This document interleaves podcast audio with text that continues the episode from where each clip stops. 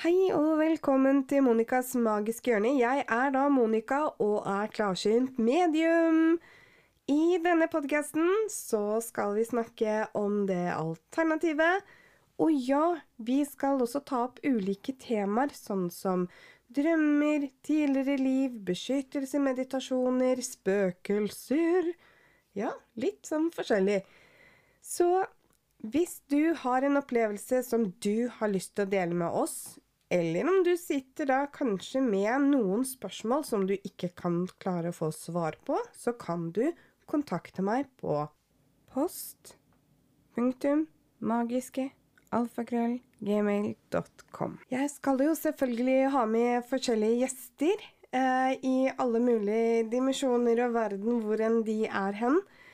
Hvor de skal få lov til å snakke om jobben sin, og det de faktisk brenner mest for.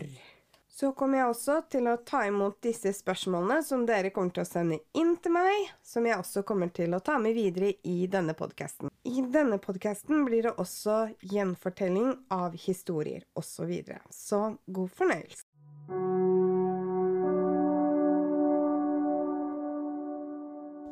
Har du hørt om støttesenteret for kriminalitetutsatte? Har du vært utsatt for kriminalitet, som f.eks. vold, trusler, utpressing, hating, seksuelle overgrep, mishandling eller krenkelser? Dette kan oppleves som svært alvorlig og personlig belastende. Støttesenteret for kriminalitetsutsatte er der for å hjelpe. Vi kan gi informasjon, veiledning og støtte i en vanskelig fase i livet. Støttesenteret for kriminalitetsutsatte er et offentlig og landsdekkende tilbud. Hva kan støttesenteret hjelpe deg med? Vi gir deg informasjon om rett prosessen og støtter deg som vitne under eventuelt rettssak. Vi kan gi deg veiledning og informasjon om det å anmelde. Vi hjelper deg med å søke voldserstatning fra staten. Vi kan støtte deg gjennom straffeprosessen fra politianmeldelsen til saken er avgjort. Vi er her for deg. Ta kontakt med oss. Telefon 800 40 008. Sentralen er åpen fra mandag til fredag fra 08.30 til 15.30.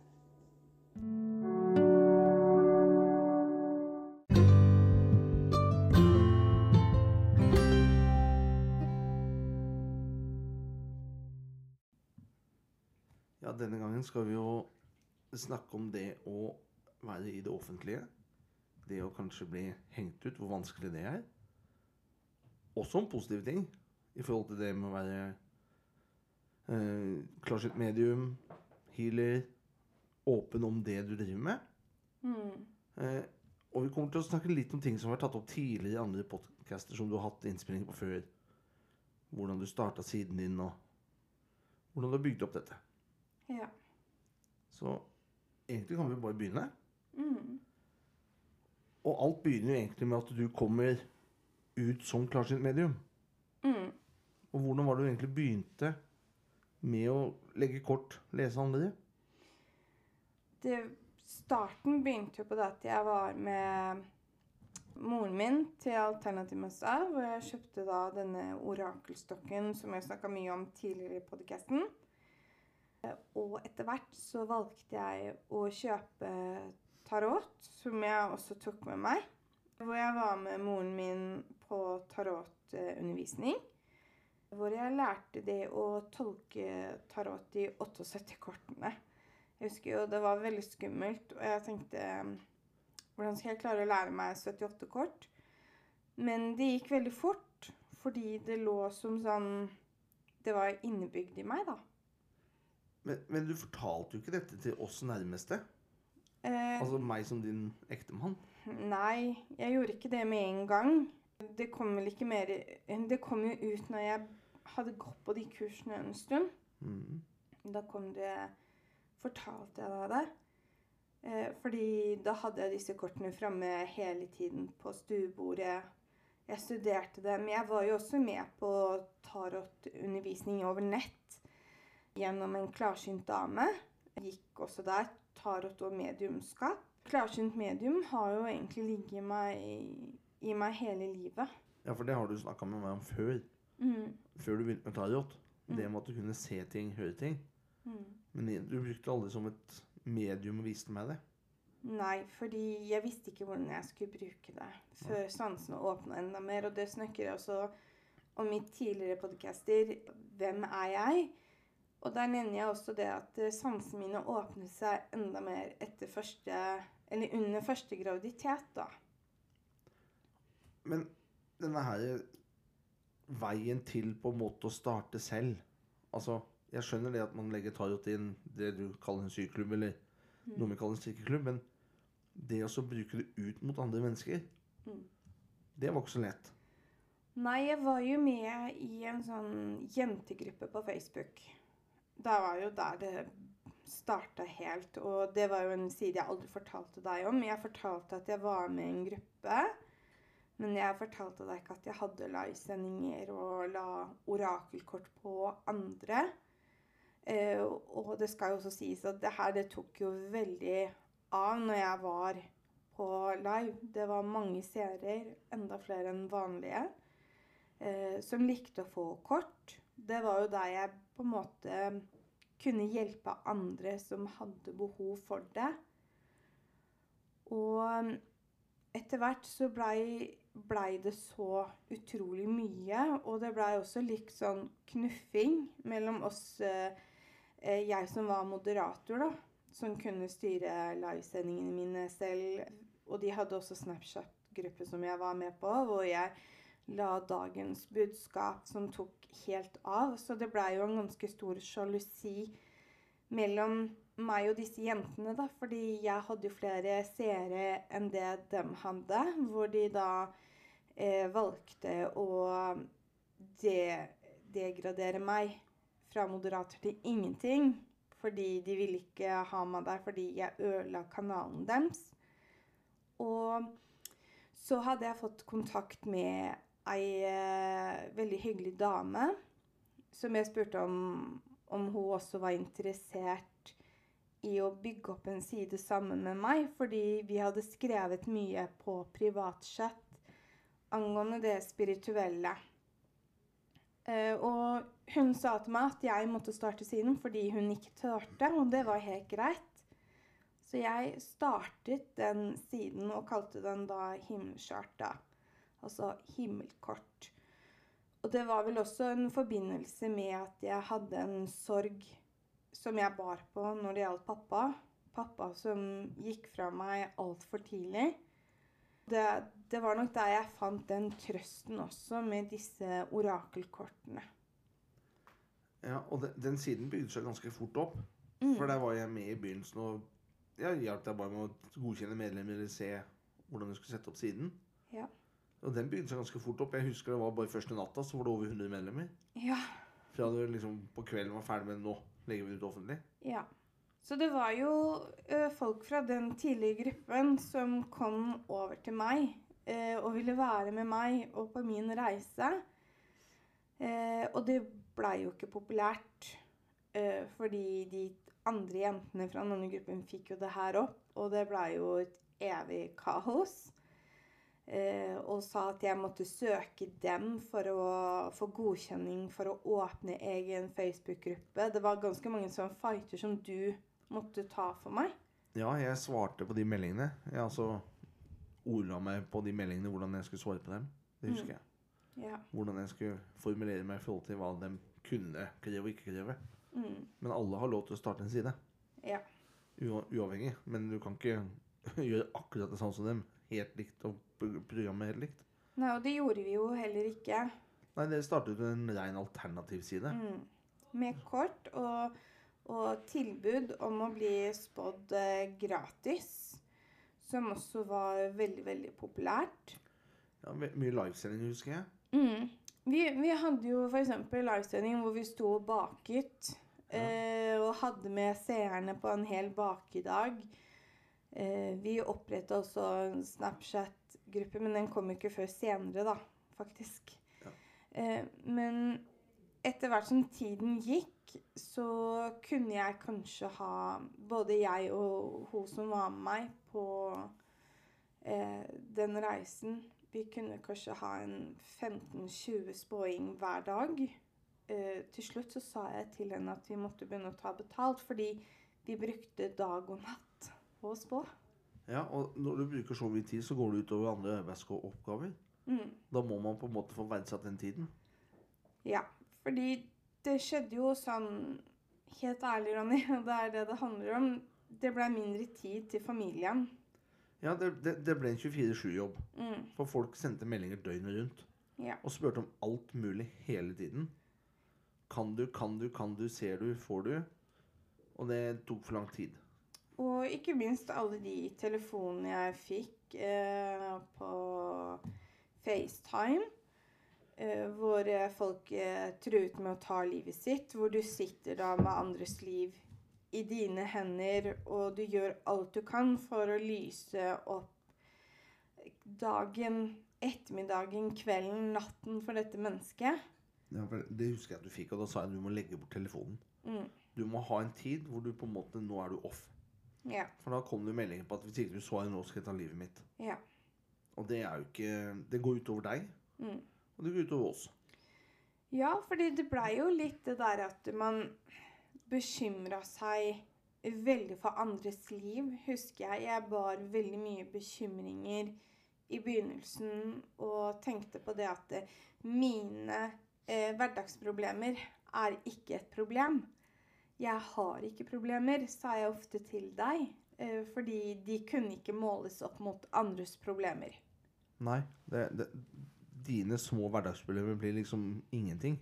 Mm. Selv om dine hverdagsproblemer kunne være vanskelig for deg, Mm. eller for alle andre, jo, Ja. så er jo det å bli truet med sånne ting er jo helt Ja, det er håpløst, horribelt, vanskelig. Ja, det er tungt, og du tenker jo hvis vedkommende tar livet sitt nå, så er det min skyld. Det er jo den følelsen man sitter med, som ikke er verken bra eller god. Og man klarer jo ikke å sove til en slik melding heller. Nei. Og det merka jeg det gikk jo utover da arbeidslysten din på den siden òg. Mm. Og det at du følte at du måtte stå litt aleine med den siden. Ja. Men så skjedde jo mer på den siden da, du, for du sa jo det at det, dette går så utover arbeidstiden. Mm. Så vi må begynne å ta litt betalt for det. Mm. Og det var jo ikke populært. Verken blant de du hadde med på siden, eller for medlemmene. Nei. Eh, Noen medlemmer sa jo det at de skjønte jo det at eh, vi tok De skjønte hvorfor vi skulle ta betalt for det, fordi det tok tross alt tid. Noen forsto det. Noen var veldig uenig og mente at eh, når man var født med en slik gratis gave, så skal man ikke ta betalt for det. Og når jeg løftet dette for eh, det medlemmet jeg hadde, så var dette her veldig uinteressant for vedkommende. Eh, hvor jeg valgte da å la den pengeideen da ligge på is. Eh, hvor det kom inn en ny person som skulle da hjelpe oss å prøve å avlaste i hvert fall meg lite grann. Ja, det må på en måte få satt opp tider, Mm. Svare på spørsmålene og sånne ting.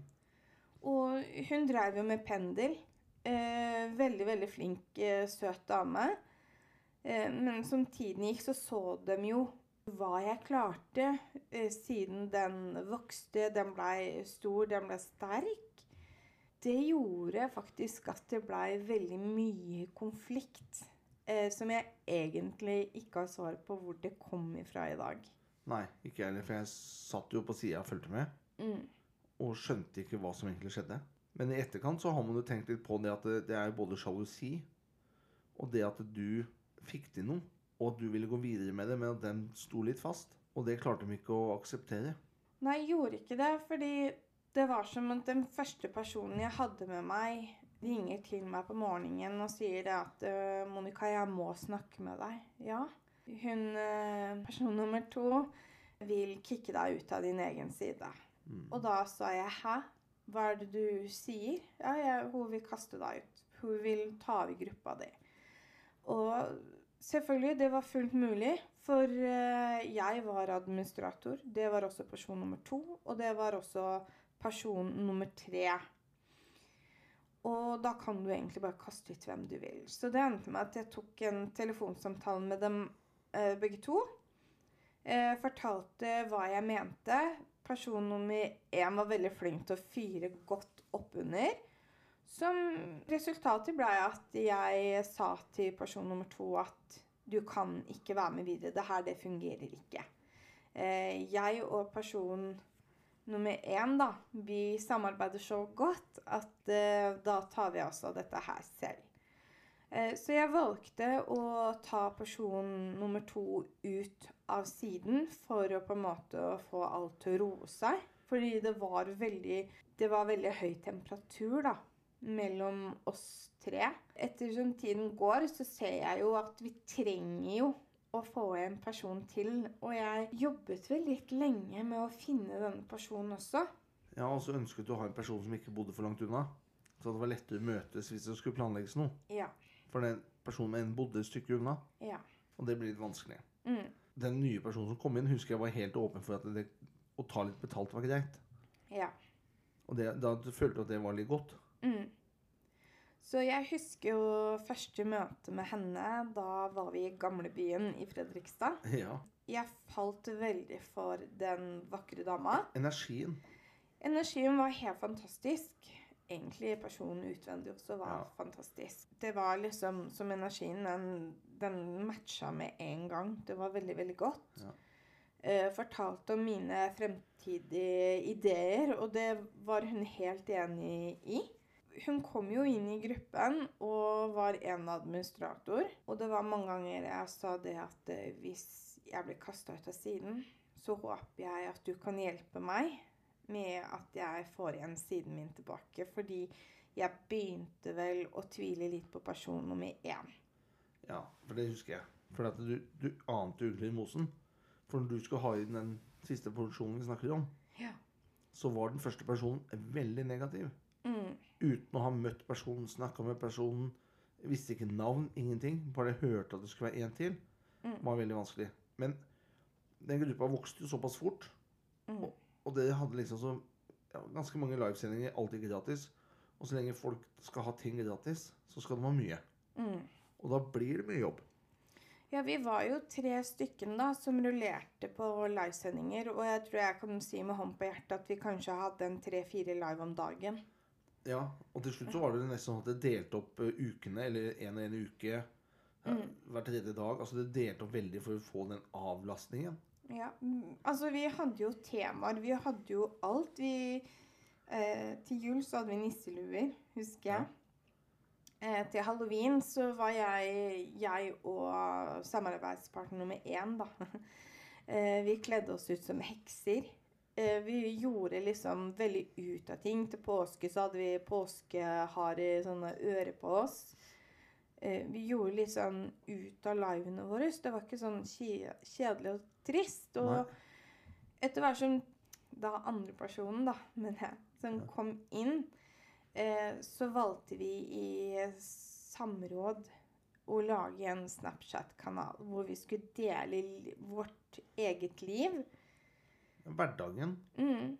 Og vi hadde også utfordringer hvor vi snakket om diverse ting. Som både sorg og glede til sex til uh, hat. Eh, det var- Te temauke eller temadag. Ja. Og den, den vokste også veldig fort. Uh, jeg tror vi kanskje var over 1000 medlemmer. Godt over det òg. Nei, det sto 10K. Å ja. Så vi- 110 000. Ja. Og, det, og det var bare første månedene. ja. Så den kanalen blei veldig, veldig stor. Og, og når jeg så at ting gikk egentlig den rette vei, så begynte det å skjære seg. Ja, for det, du sa jo det at her, her må vi sette foten ned. og på en måte ha en arbeidstid. Og det falt ikke god for det, det, Du sa at vi må liksom ha én lik linje. Mm. Sånn må vi bare gjøre det. Ja, for det blei så mye sånn av og på. Ingen visste når neste kom, eller Det blei veldig sånn kaotisk. Ja. Og bytta dager seg imellom og Mm. hadde ikke mulighet og sånn. Nei, og, og når jeg sa foten ned, da, så klarte jo da den første personen jeg fortsatt samarbeida med da, eh, finne feil på den personen som kom inn. Som jeg ikke klarte å klare Du, sikkert. du du ble litt blind. Ja, jeg gjorde det. Og det endte med at eh, Dumme meg, jeg kicka den personen ut egentlig uten noen grunn, fordi jeg hadde blitt Jeg kan si det, jeg ble hjernevaska Ja. av den personen, rett og slett. Ja. Jeg blei hjernevaska. Jeg klarte ikke å tenke. Og hun hadde stått meg både i tykt og tynt. Og, og da tenker man også på det at den personen ikke vil på en måte dolke deg i ryggen heller. Og, og da stoler du på den personen 100% Ja, Men det skar seg, det òg. Når du gjennomskua det til slutt. Ja. Jeg husker vi var eh, på vei til å feire bursdagen til barna våre. Uh, satt vi i bilen, og så ringte hun til meg. Og så sa hun det at uh, hun ikke ville jobbe sammen med meg noe mer. Uh, siden jeg da hadde begynt å gå inn for å ta betalt for å jobbe. Få opp en bookingsystem uh, hvor vi hadde jobb fra ni til to. Ikke noe over det. Skulle det være over det, så skulle vi også ha betalt etter den tiden hvis det var veldig krise. Eh, og det falt ikke i god jord for denne kvinnen. Og da ringte hun til meg og sa at, eh, at hun ikke ville være venn med meg lenger. Hun ville ikke følge eh, meg på siden min, fordi da kommer hun til å kopiere min side. Og da husker jeg at jeg blei så sint at jeg klarte liksom ikke å svare ordentlig for meg. Så jeg la på og blokkerte henne fra alt som var. Rett og slett. Da var du oppgitt. Ja, og da, var liksom, da, da kom hele fakta på bordet. At det er hun det er hun som har dolket meg i ryggen og satt meg opp mot de to andre jeg hadde på lag. Ja. Og da måtte du gå i deg selv. Mm. Og så spurte du meg om hva du skulle gjøre for noe. Og da sa jeg da bytter du navn på hele siden. Fortsetter på samme måten, men bytter navn på siden. For nå er den så godt bygd opp. Mm. Og du har liksom fått bildene fram, du har fått fram hva du ønsker med siden. Og alle visste på en måte hva siden var for noe, da. Mm. Men jeg tror ikke du var mer enn bare 500-600 medlemmer den gangen. Ja. Jeg tror du var under 1000 medlemmer på Facebook-sida den gangen. ja, det var det nok. Det var eh, nok en plass mellom 500 til 700, tenker jeg. Mm. Mm. Og da valgte du å bytte navn. Mm. Og det var jo da i 2018, jeg det var. Ja. Ja, det var jo 2018 du bytta navn på siden. Mm. Til da Monicas magiske hjørne. Ja. Og derfra så har det gått ganske fort. ja, hvis du tenker på økning av medlemmer, så har det gått veldig fort. Ja, det gikk veldig fort. Ja. For da fikk du noe med magi i Mm. navnet. Mm. Og da når folk fant det og delte og du hadde noen konkurranser, tror jeg, på del siden og vinn lesning eller Stemmer det. Så begynte det seg fort opp. Mm. Men det har jo ikke bare vært eh, dans på rød rose for det. Nei, det har jo vært en veldig lang reise, en lang prosess, hvis jeg kan si det sånn. Fordi at det, før du bytta til Monicas magiske hjørnenavnet, Mm. så var det fortsatt mange venner og familie som ikke visste om dette. Ja. Og da når den på en måte, Og du begynte å dele denne siden med din private Facebook-profil. ja For, for det var det du, du, du brukte din Den Facebook-profilen du hadde den gangen, Mm. som var privat. Det var den du brukte til å drive siden. ja, det stemmer. Det gjorde jeg. Ja, og da ble det mange som spurte, mange som prøvde å legge seg til. Mm. Hva er dette for noe? Hva driver du med? Altså, første gangen den kom ut eh, offentlig i familien, Det husker jeg veldig godt. For det var moren min som fikk med seg det først. Uten at hun hadde sagt noe til meg. Fordi det var eh, Det skal jo også sies at når jeg plutselig ble stående aleine med Monicas magiske hjørne, så ringte en klarsynt til meg og tilbød meg jobb. Å begynne å jobbe med en større gruppe. Hvor jeg var eh, åpen for tilbudet. Eh, Men samtidig så skjønte jeg vel at det her er ikke noe for meg å jobbe med andre. Jeg vil jobbe alene, fordi da kan jeg kjøre dagene mine selv. Og en av grunnene til at jeg ikke ville jobbe for henne, var jo da at jeg fikk beskjed om at jeg måtte slette eh, gruppen min. Jeg måtte slette Snapchatten, Instagrammen min, min private Facebook-side. Og alt det jeg hadde bygd opp, det måtte jeg slette. Fordi de hadde laga ny hjemmeside til meg, de hadde laget konto, telefon, de hadde ordna alt før de spurte meg. Og da takket jeg eh, egentlig ikke nei. Jeg bare sa til henne at jeg ringer tilbake igjen hvis dette er interessant. Og da gikk det ikke mange dagene, så fikk jeg flere arbeidstilbud hvor det var flere som ville ha meg på lag. Og eh, jeg svarte dem det samme, at jeg skulle tenke på det. Var det interessant, så skulle jeg komme tilbake. Og det har jo litt med at du ønsker ikke å bli styrt. Du vil jo ha din egen arbeidsdag. Mm. Bestemme sjøl. Her var det jo snakk om ja, du har vakt på telefonen fra klokka åtte i kveld til tolv. Mm. Eller fra i morgen tidlig klokken seks til klokken to. Mm. Og sånn ville ikke du jobbe, for du ville på en måte kunne ja, ta med barna på skolen om morgenen, få dem på skolen, barnehage, og så på en måte begynne å jobbe. Mm. Og så hente dem igjen etter barnehagen. Da var du ferdig med å jobbe. Ja. Du ville ikke jobbe på kvelden Nei. eller helgene. Nei, jeg ville være sammen med barna mine, og jeg ville være sammen med deg. Og kunne få lov til å bruke helgene mine på akkurat det jeg vil, og ferier. Så eh, jeg har jo holdt på én ting, og det er det at jeg har kjørt skoleruta. Ja, Det er du flink på.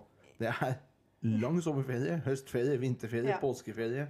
Og jeg tar meg nok eh, lengre ferie enn de fleste, fordi jeg kan gå ut i ferien når barna mine går inn i skoleferien, og så har jeg en måned etter at de har begynt på skolen. Ja, for det er ikke så veldig mange andre som kjører ni måneders eh, arbeidsår, liksom. Men nå skal det jo også sies at jeg jobber jo hardt. Ja. Jeg jobber mye først når jeg jobber, så kan det bli Nå er barna så store. ja, nå er de jo på vei ut av redet. Ja, så nå kan jeg på en måte tillate meg å sitte på kvelden, sitte i helgen når jeg har fri, og sitte og jobbe. Fordi eh, siden har jo utviklet seg og blitt mye, mye større. Og da skal vi jo også komme Ja, og det er en butikk inni dette òg. Ja, det, det, har ikke, det er ikke bare den tarotten lenger. Nei. Det er mye, mye, mye mer.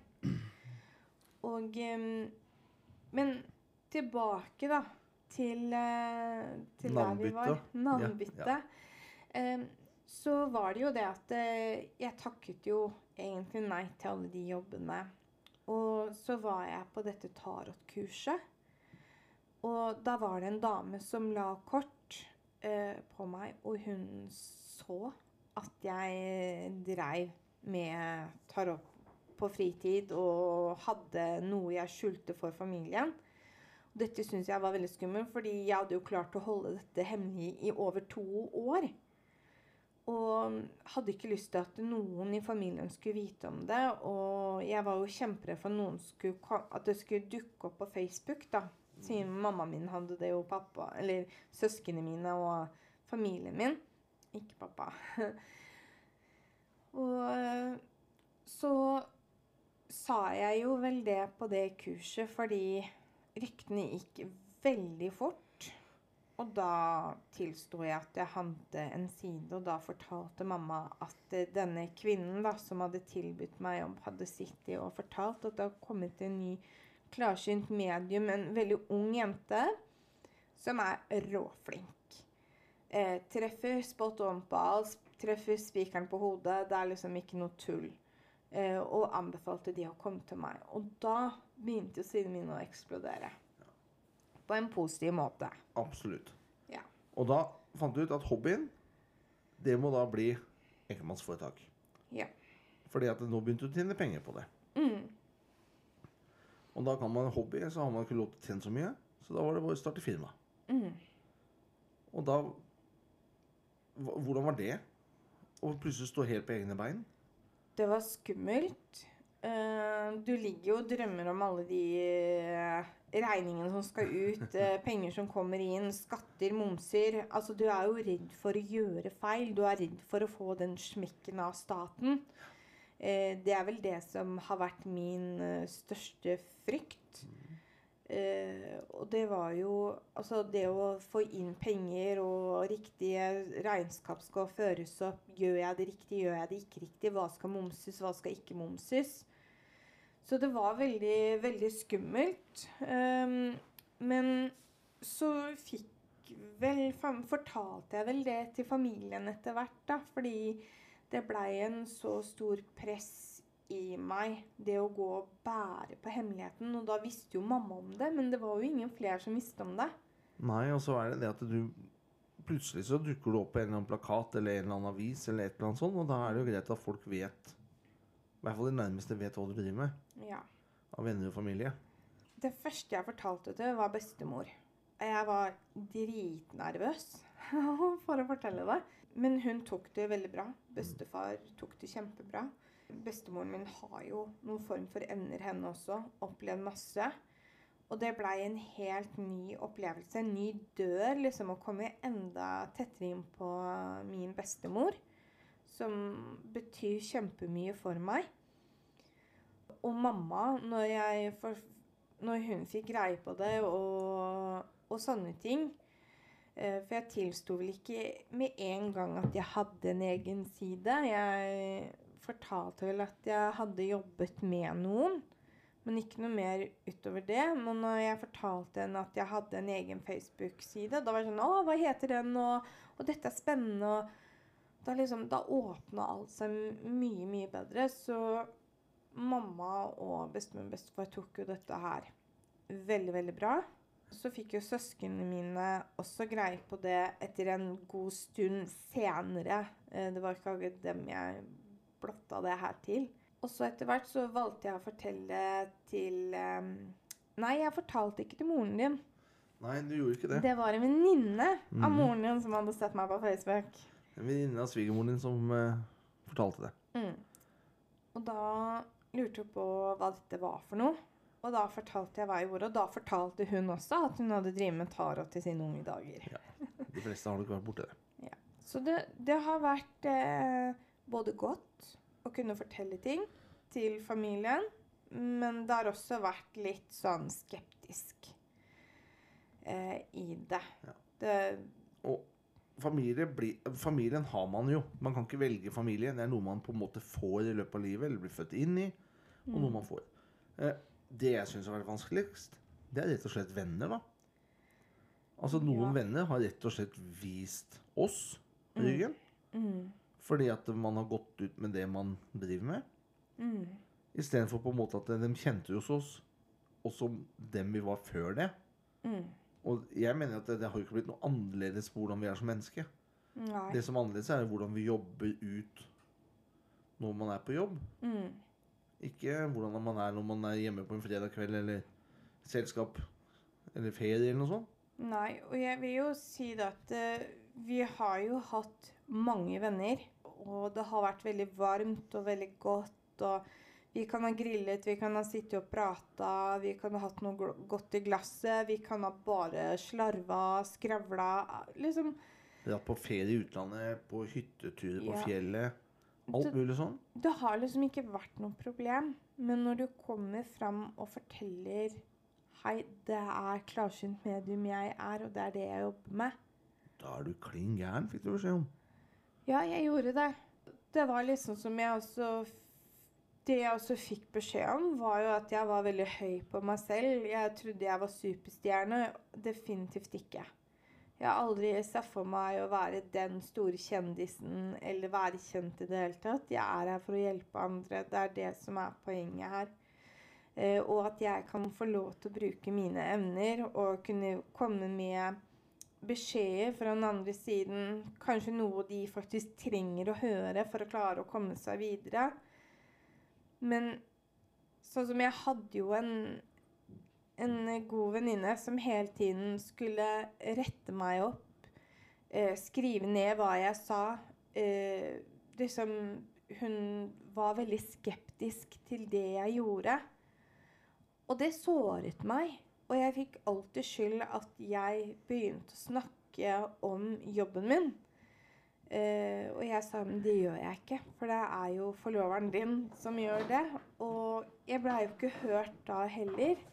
Uh, og så klarte vel hun å overhøre at det var han som hadde starta den samtalen.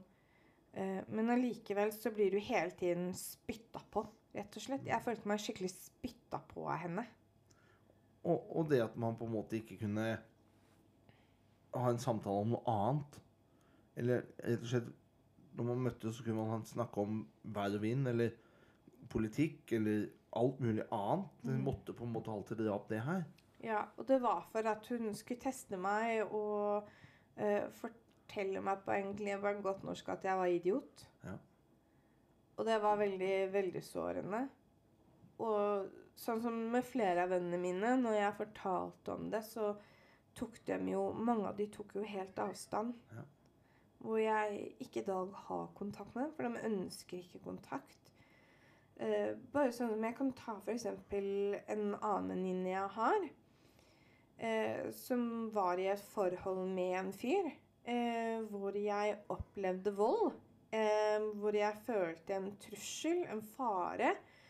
Og det hadde jeg aldri kjent på når jeg var hos henne. Men når han kom dit for å lage mat til oss, så fikk jeg en sånn følelse. Og da spurte jeg henne om hun blei mishandla, og hun bare Nei, definitivt ikke. Og når jeg kom hjem fra henne, så fortalte jo jeg deg det, Ronny, og at jeg var meget bekymret over henne gikk det en stund hvor de hadde gjort det slutt, og han var jo helt klin gæren. Da fortalte hun at uh, han pleide å dra henne etter håret og slå henne. Og det er som jeg sa til Ronny, se, jeg hadde rett. Jeg hadde jaggu meg rett. Men hun stolte fortsatt ikke på deg? Nei. Og valgte å vende meg ryggen, har stengt meg utenfor. Det er ikke alle som har gjort det? Nei, ikke alle. Nei, heldigvis. Ja. Så noen blir, blir sin lest. Men det var jo stort sett mange som var skeptiske i begynnelsen. Uh, men jeg har jo kontakt med noen få. Mm. Eh, noen velger vi jo ikke å snakke om det her med dem. Eh, vi er som to helt vanlige personer når vi er på besøk. Det her er ikke tema, og det er det jeg liker. Ja. Jeg liker å kunne dra til folk utenom at de må snakke om det klarsynte medium-greiene, fordi det er jobben min. Når jeg er ferdig på jobb, så er jeg ferdig på jobb. Absolutt. Men når du da på en måte hadde kommet kaldt ut av skallet, siden var blåst opp, så ble det til slutt så Det ble jo et par tusen medlemmer mm. på Facebook-sida aleine. Eh, det tok såpass lang tid, og du ønsket å utvikle dette her til bl.a. butikk. Og da fant du ut at da var det kanskje greit å starte et AS. Og på en måte få Slippe å enkeltmannsforetaket, der må du på en måte stå ansvarlig for alt. Mm. Og valgte å starte et AS, sånn at du slipper å ha noe ansvar. Du kan på en måte bare ta ut lønn. Ja. Og så kan firmaet seg sjøl drives. Mm. Og det valgte du da å starte i januar 2020. Ja. ja. Det stemmer. Før alt starta med pandemi, mm. så valgte du da å gønne på. Starte butikk. Fant lokale. Eh, hadde full åpningsfest. Mm. Og hadde arrangement der. Åpningstider. Du hadde vel åpent fire-fem dager i uka? Uh, ja, det hadde jeg. Ja. Sånn onsdag, torsdag, fredag, lørdag? Og de dagene ikke butikken var åpen, så var jeg der for å jobbe. Mm. Ja. Og så kom da denne pandemien. Mm. Og alt stengte umiddelbart. Og siden du da hadde da det man kalte en én-til-én-behandling, da mm. Altså en samtale terapeut eller altså en klarsyn, hvor du hadde folk én og én klient inn, så gikk du under den som da plutselig ikke hadde lov. Du hadde ikke lov til å ha folk der inne. Du kunne ha butikken oppe med metersavstander og smittevern og alt mulig, men du hadde ikke lov til å ha folk på samtale. Nei, jeg hadde ikke det. Nei. Og det ble vanskelig. Med husleie og strøm og alt mulig. Ja, det blei det, fordi jobben min bestod av at klienter kom opp til meg. De ville være hos meg når de fikk lesning, de ville kjenne på energier. Det var, det var veldig, veldig bra. Eh, og selvfølgelig, jeg hadde noen på FaceTime, lydfiler. Det var ikke noe sånt problem, men jeg måtte egentlig ha oppmøte for å klare husleie. Ja, for ja, sånn som når vi snakker om lydfil, det er ikke alle som vet sikkert hva det er for noe, men da kan man gå inn på åndeligaften.no og se litt, for der står det en del informasjon på hjemmesiden din.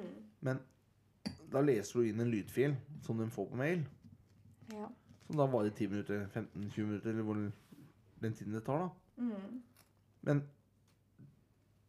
det som på en måte var, det var jo butikken skulle drives. Du skulle jo ha salg av røkelse, av eh, kort, av lotusblomster, forskjellige oljer. Altså alt det som er innen alternativ røkelse, alt som er innen alternativ verden, da. Og det blir jo vanskelig da når du må holde stengt. Ja. Og da husker jeg vi skulle søke om midler til dekking av husleie, utgifter.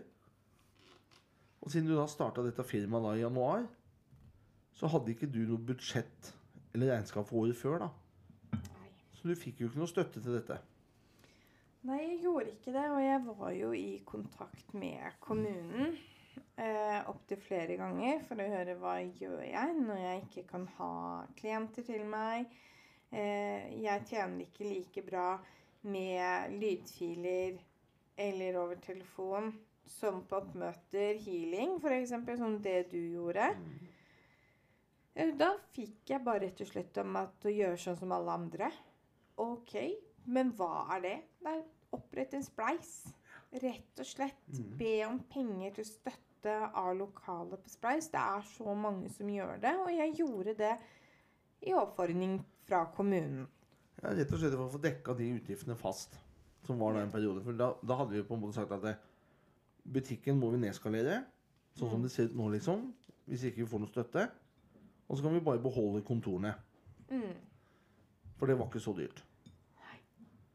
Eh, Oppretta spleis. Og folk var snille nok til å begynne å spleise. Du la det ut på sida di. Positivt. Det var jo ingenting negativt sånn. Og plutselig så, så, så legger vi ut på siden, da. Det var jo da i april måned, tror jeg. April-mai. Hvor vi hadde bestemt oss for å bygge en uh, utestue i hagen Ja. på verandaen.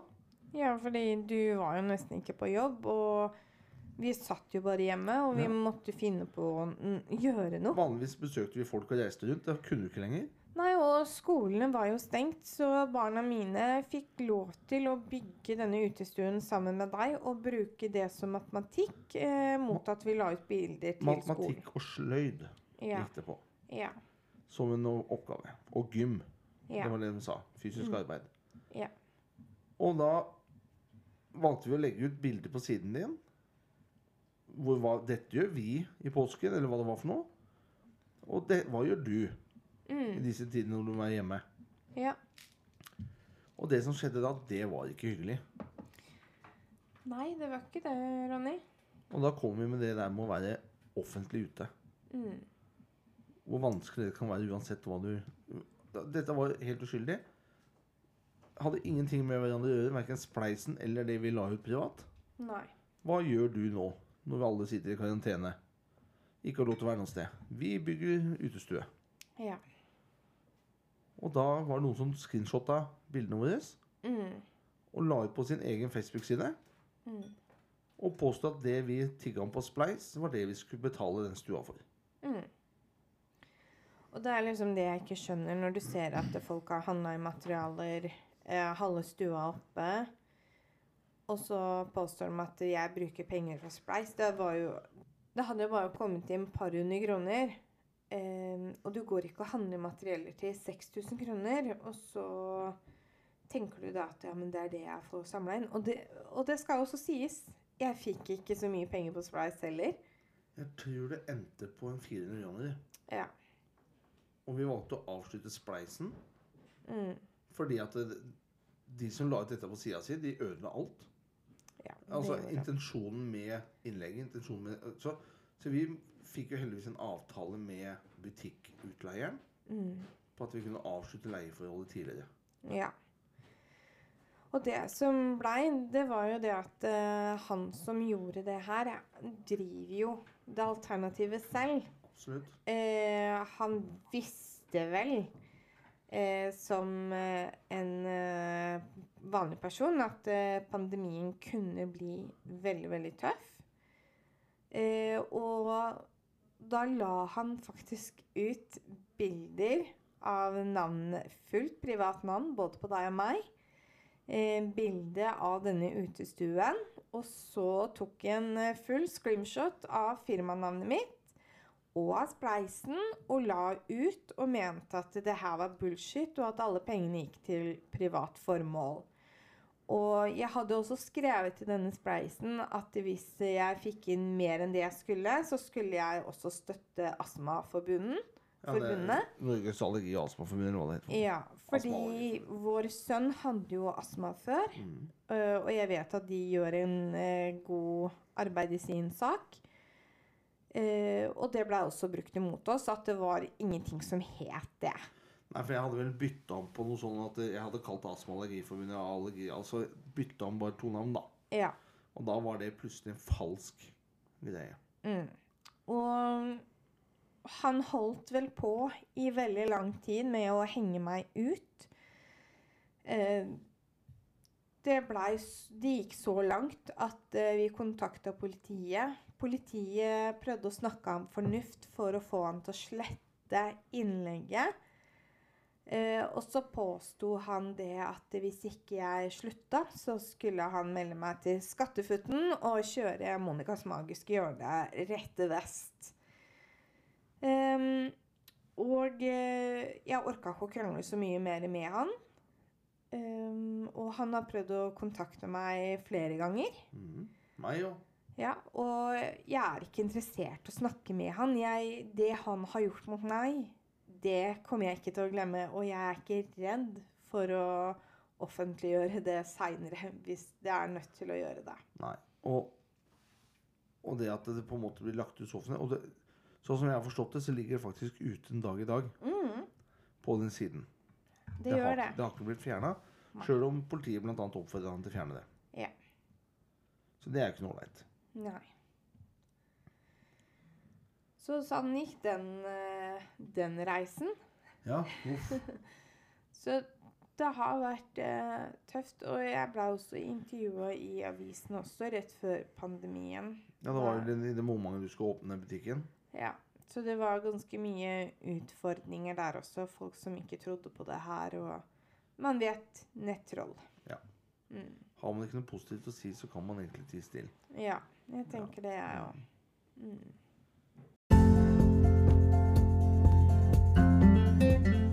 Og i forbindelse med min podkast så vil jeg også takke dere alle lyttere som er med meg på min reise.